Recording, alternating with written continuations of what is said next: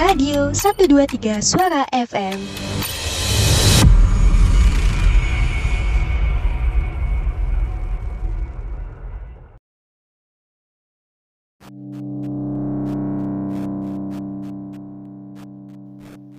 Kasus COVID-19 melonjak setelah Lebaran Idul Fitri. Sektor ekonomi Indonesia menurun, akibatnya beberapa karyawan di PHK.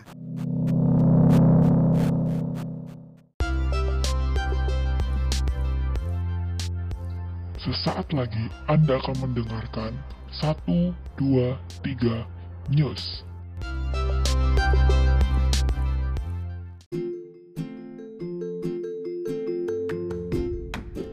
Selamat pagi menjelang siang sahabat. Saat ini sahabat mendengarkan 123 Suara News edisi Selasa 15 Juni 2021 bersama saya Rifki Takiuddin Hani. Pada 20 Mei 2021, Indonesia melaporkan penambahan kasus baru COVID-19 sebanyak 5.797 Total pasien terkonfirmasi saat ini berjumlah sekitar 1.753.101. Jawa Barat menyumbang angka kasus positif terbanyak dengan total 1.332. Kemudian disusul dengan DKI Jakarta dengan kasus 895 dan Jawa Tengah 550 kasus.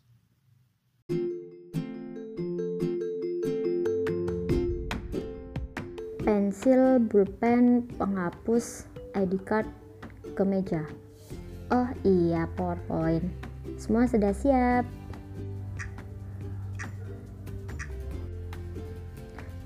Selamat siang. Terima kasih kepada teman-teman yang sudah hadir. Sudah siap dalam segala hal, tapi masih grogi berbicara di depan umum hanya di Pendidikan Bahasa dan Sastra Indonesia Universitas Islam Malang. Kamu akan belajar cara berbicara di depan umum, menjadi pembaca berita, menjadi jurnalis hebat, dan masih banyak lagi. Jadi, tunggu apa lagi? Hanya di Pendidikan Bahasa dan Sastra Indonesia Universitas Islam Malang. Informasi selengkapnya dapat dicek melalui www.unisma.ac.id.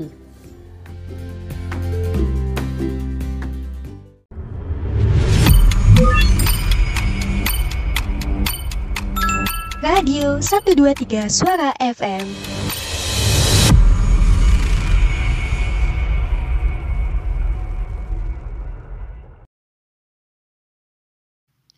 Selain pada sektor kesehatan, COVID-19 juga menyerang sektor ekonomi Indonesia. Salah satunya dirasakan oleh pemutusan hubungan kerja 2.700 karyawan Giant. Pasalnya, gerai Giant akan tutup pada Juli 2021 ada beberapa faktor yang menyebabkan gerai Giant ditutup, yaitu kinerja keuangan tertekan. Hal ini terlihat dari kerugian tahun 2020 sebesar 1,21 triliun rupiah, bengkak 4.203 persen dibanding tahun sebelumnya, dengan rugi bersih sekitar 28,21 miliar rupiah. Sesaat lagi kita akan terhubung dengan rekan kami, yang telah melakukan wawancara dengan salah satu karyawan yang mengalami PHK. Silahkan rekan Rifkia. Hmm, setelah lulus sekolah nanti, aku mau kuliah di mana ya? Kampusnya yang murah dan kualitasnya unggul. Hmm, ada nggak ya? Tentu ada dong. Universitas Islam Malang, kampus unggul dan berhaluan ahlus sunnah jamaah, dan telah mengimplementasikan Merdeka Belajar Kampus Merdeka, kampus yang asri, sejuk, dan nyaman. Mari bergabung dengan Universitas Islam Malang dari NU untuk Indonesia dan peradaban dunia.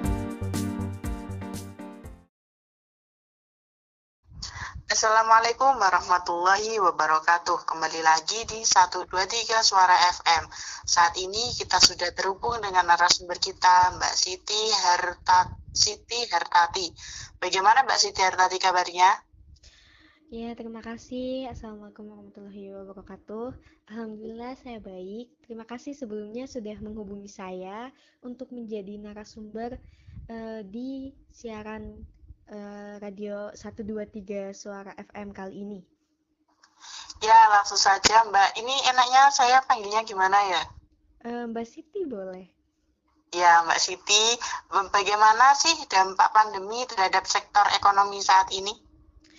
Um, seperti yang kita semua tahu ya saat ini uh, memang dari sektor ekonomi itu tersendiri mengalami penurunan drastis baik itu dari pedagang kecil, baik itu pedagang besar, usahawan, bahkan saya sebagai karyawan PT yang bisa dibilang PT itu kan eh, apa ya setiap harinya itu memproduksi hampir ribuan atau bahkan puluhan ribu eh, produk untuk dipasarkan gitu. Tapi eh, karena pandemi ini jadi dampaknya tuh eh, sangat besar gitu bukan hanya dari pedagang kecil tapi saya pun sebagai karyawan eh, mengalami dan eh, apa ya merasakan dampak dari uh, eh, COVID-19 ini seperti itu. Iya. Uh, lalu uh, berarti Mbak Siti ini kena PHK dari perusahaan ya? Iya. Jadi uh, memang agak berbeda ya. Uh, mungkin kalau yang saya tahu uh, jika ada karyawan yang akan di PHK itu uh, akan diberikan pemberitahuan jauh-jauh hari sebelumnya. Misal uh, contoh kecil waktu itu ada sebuah PT yang apa ya mengadakan PHK besar-besaran karena mereka ini akan mengganti tenaga kerjanya itu menggunakan mesin. Jadi ada beberapa uh, tenaga kerja yang harus dipulangkan dan memang uh, tenaga kerja yang tertentu yang tidak memenuhi syarat. Misalnya yang uh, apa usianya di atas 30 tahun atau mungkin yang memang secara kinerja itu menurun seperti itu. Nah, sedangkan uh, kami karena karena kami terkena dampak ini jadi memang agak dadakan dan uh, sedikit kaget juga sih seperti itu. Lalu bagaimana perasaan Anda ketika mengetahui bahwa akan ada karyawan yang dirumahkan?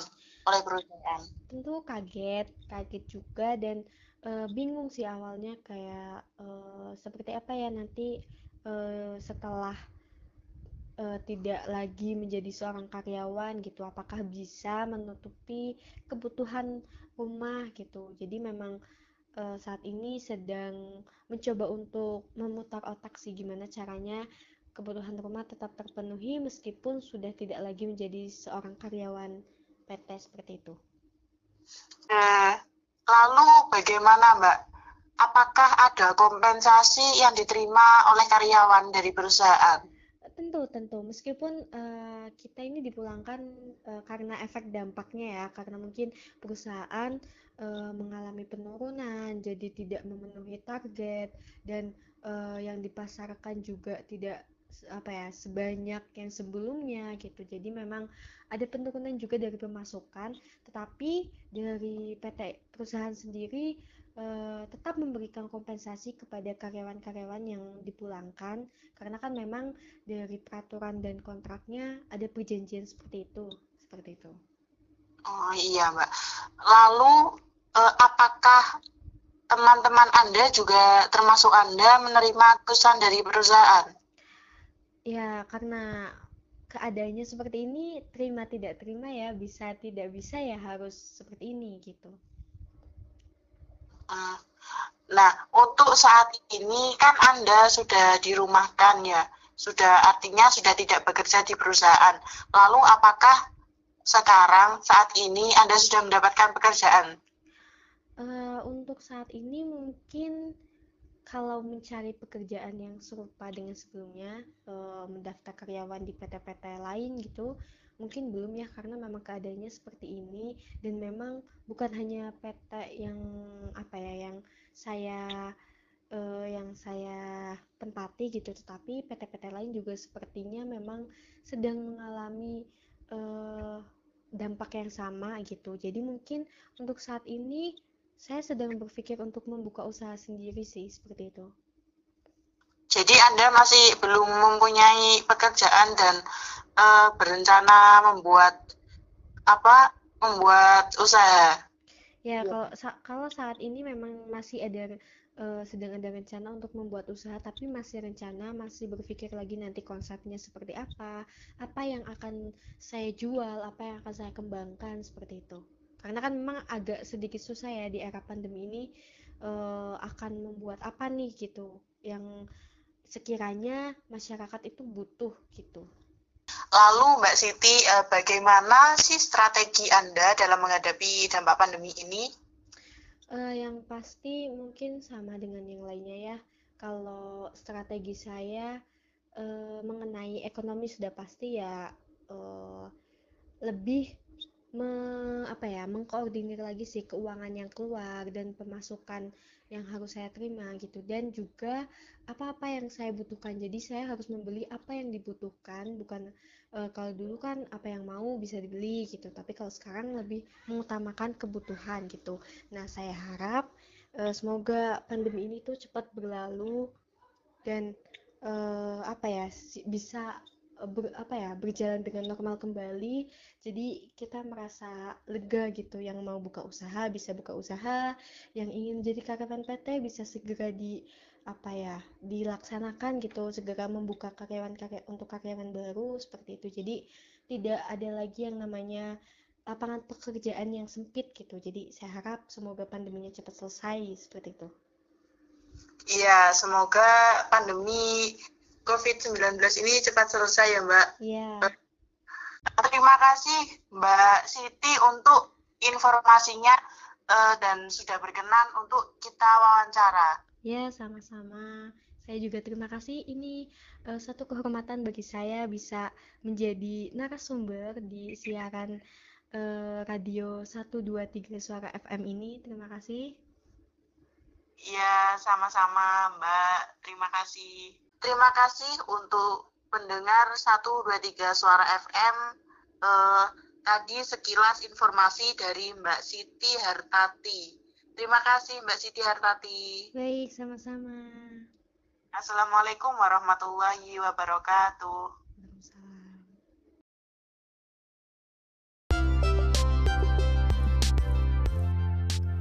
Berita tersebut menjadi penutup 123 Suara News pada siang hari ini. Saya Rifki Takyudin Hanif pamit undur diri.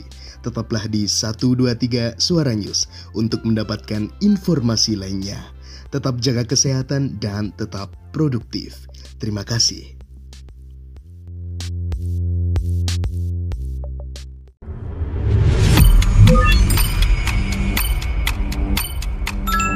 Radio 123 Suara FM.